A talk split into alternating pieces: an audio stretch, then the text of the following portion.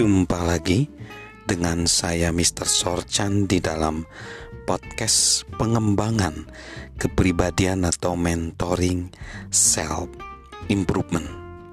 Saat ini konteks besar kita bagaimana membangun jiwa kepemimpinan dalam diri kita dan kita belajar tentang visi. Visi adalah kualitas mutlak yang harus dipunyai di dalam kepemimpinan dan juga di dalam kehidupan kita. Nah, kita belajar tentang kepemilikan pribadi atas visi. Bagaimana visi menjadi milik pribadi kita. Kita masuk di yang keempat, yaitu lihatlah ke belakang. Lihatlah ke belakang apa yang telah kita pelajari. Setiap visi yang berbobot dibangun di atas pengalaman para pemimpinnya. Pelajaran yang mereka, mereka pelajari, kesakitan yang mereka alami, kejadian penting yang mereka alami.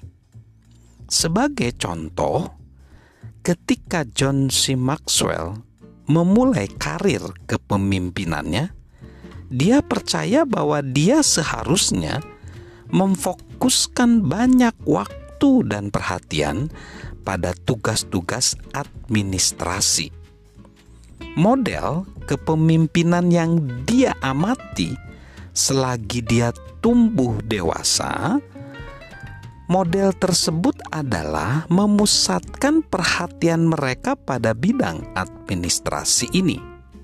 Namun, John segera menyadari bahwa dia tidak berbakat dan bahkan kurang sabar untuk mengerjakan tugas-tugas administrasi. Entah seberapa keras atau seberapa lama dia mengerjakannya, dia menjadi sangat frustasi. Akhirnya, dia harus mengakui bahwa kemampuan administrasi dia tidak akan membaik, dan dia harus menemukan cara lain untuk menangani tugas-tugas administratif penting dari organisasinya tanpa harus dia tangani sendiri. Dia lantas mulai meminta bantuan sukarelawan yang terampil dalam administrasi seseorang yang senang mengerjakannya. Dan di organisasinya yang kedua, dia bisa merekrut seorang asisten administrasi. Sungguh menyenangkan. John benar-benar belajar di posisi kepemimpinan yang pertama tersebut. Jika kita meninjau cara kita memimpin setiap organisasi, maka kita akan memperoleh pelajaran.